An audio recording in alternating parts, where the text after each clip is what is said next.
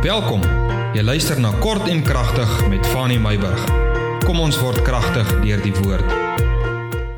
Ek groet julle vanmôre op hierdie wonderlike maandagmôre. Ek vertrou dit gaan met jou goed. Ons is basies in die in die middel van hierdie jaar 2023. Jo, gister het ek dit met 'n jong man gepraat. Hy's al hy's al klaar besig om Desember planne te maak. Ek kan nie glo ons is al daarheen nie. Right, ek gaan nie baie tyd verspeel nie. Ek wil met jou hierdie week gesels oor Psalm 139 spesifiek vers 1, maar ek wil met jou gesels vandag. Ek wil eintlik hierdie week met jou gesels oor gedagtes uit Psalm 139. Kosbare Psalm. As jy 'n kansie kry vandag, lees 'n bietjie die hele Psalm 139.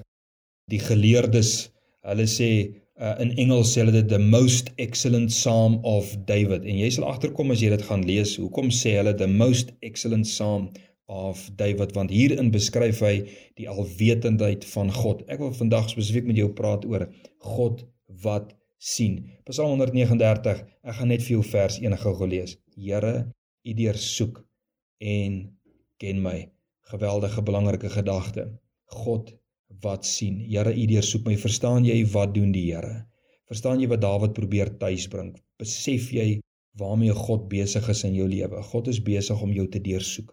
God is besig om in jou hart te kyk. God is besig om in jou gedagtes te kyk. God is besig om in jou persoonlike lewe, in jou huwelik, in jou gesin, in jou werksomstandighede God kyk, maar spesifiek sê Dawid, Here, U deursoek en U ken my. Hy bring dit huis toe. Hy bring dit vir homself. Hy sê Here, U deursoek my. U ken my omdat U my deursoek. Daarom ken U my. Kind van die Here, vriend, vriendin, die Here ken jou. Hoekom? Omdat die Here jou deursoek. Die Here gaan deur die kamers van jou hart. Hy gaan deur die kamers van jou denke, jou denkpatrone.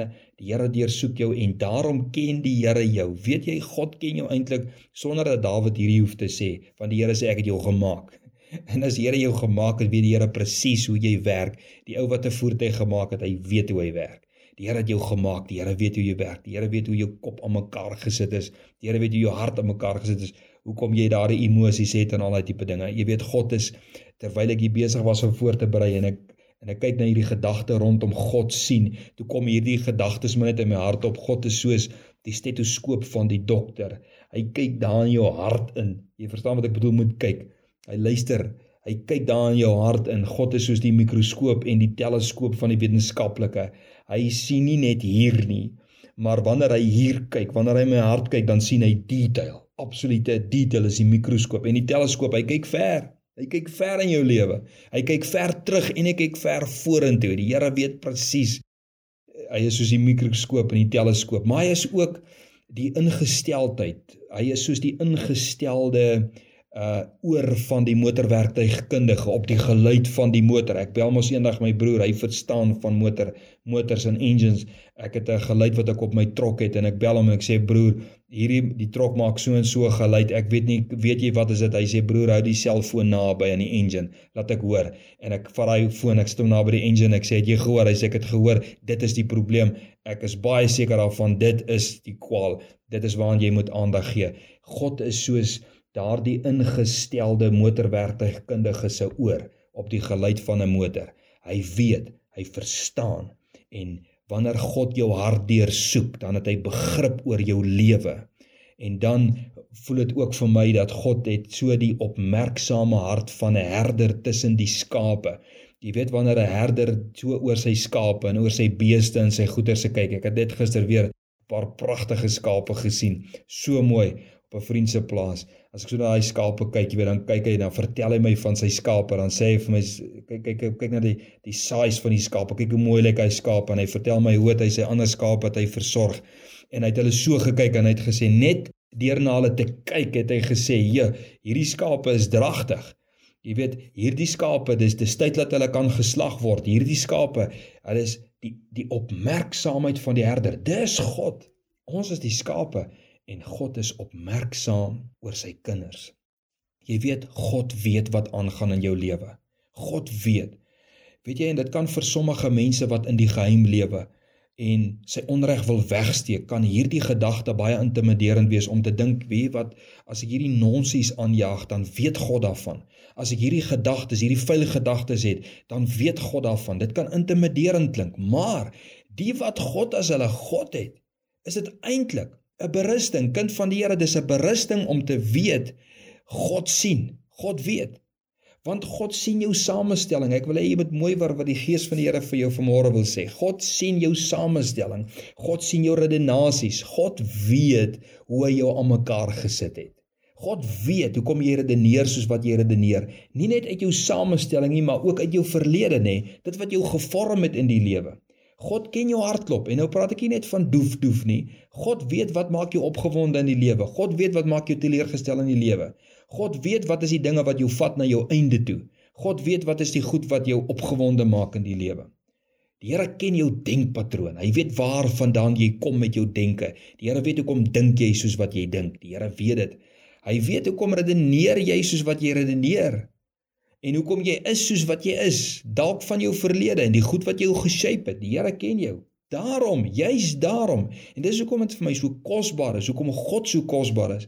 Daarom is God genadig oor jou, want God ken jou. God verstaan jou. Hoekom het 'n ma so baie empatie, simpatie met haar kinders? Want ek verstaan jou, my kind. Daar's niemand wat jou beter verstaan as jou ma nie. Ek verstaan jou. Daarom, nê, nee, dis dis hoe kosbaar dit is. Omdat die Here jou verstaan, daarom weet God wie om jou op jou pad te stuur om jou dalk te ondersteun. Dink mooi daaroor. En dalk uh wat om te doen om jou te beskerm en teen wie God jou moet beskerm. Die Here stuur mense op pad langs om jou te beskerm. Hy stuur dalk mense jou pad langs om jou te leer om jou te beskerm teen mense wat jou dalk gaan kwaad doen of wat jou besigheid gaan kwaad doen, wat jou huwelik gaan kwaad doen, wat jou gesin gaan kwaad doen. Die Here verstaan ook hoekom jy gestretch moet word in sekere areas van jou lewe. Die Here verstaan dit want hy weet wat dit vir jou be, in beplanning vir die toekoms. Daarna gaan ons nou in hierdie week kyk. Die Here weet wat is die toekoms. Die Here weet waar jy gestretch moet word. En jy moet dalk gestretch word soos ek in Engels.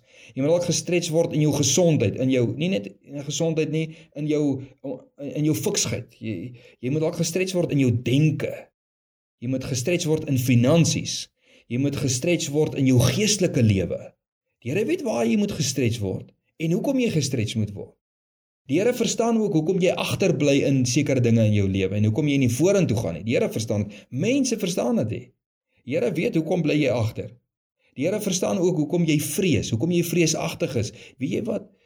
'n Mens wat maklik vrees, is nogal 'n uitdaging vir 'n ou, nê? Die Here verstaan waarvandaan daardie vrees kom. En die Here weet wat het jy nodig in jou lewe om daardie vrees te te werk.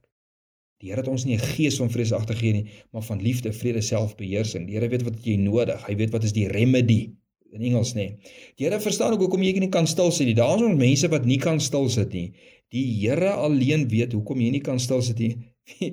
Die Here verstaan jou. Dis die kosbaarheid van alles. Die Here het jou so gemaak dat jy nie moet baie stil sit nie, want jy's die ou wat dinge moet laat gebeur. Ander mense kan dit dalk verstaan en insien nie, maar die Here verstaan jou.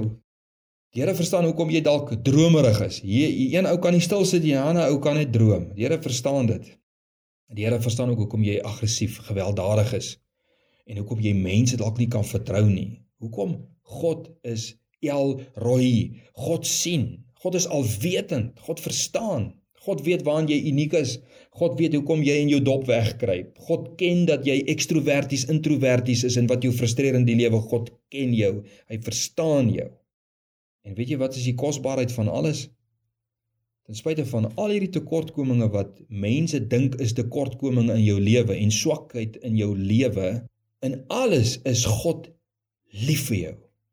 Nie om jou te los waar jy is dat jy moet treurig bly nie en dat jy moet wegkruip in jou dop heeltyd net nie.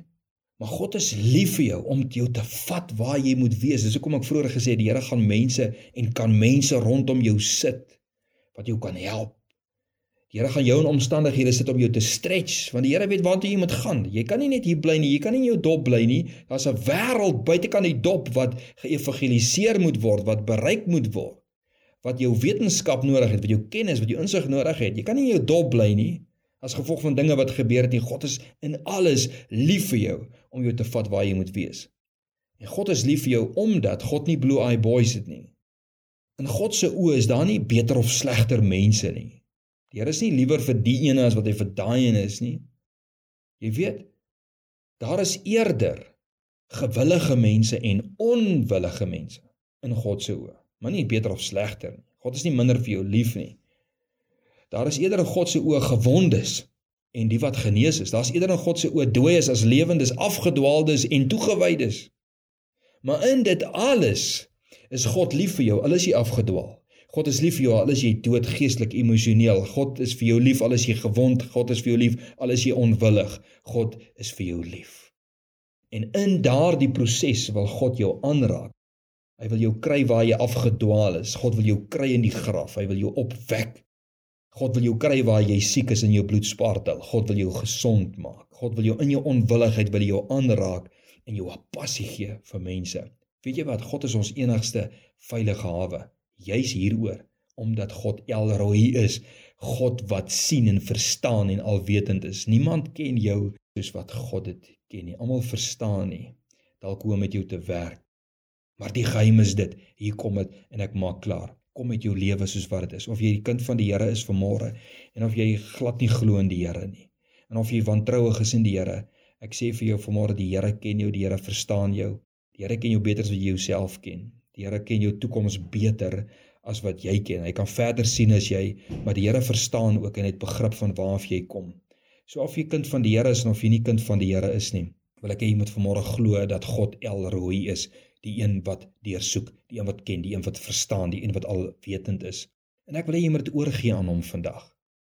En die Here sal jou 'n aangename mens maak. Iemand waarmee jy kan saamlewe. Ek praat van jouself, nê?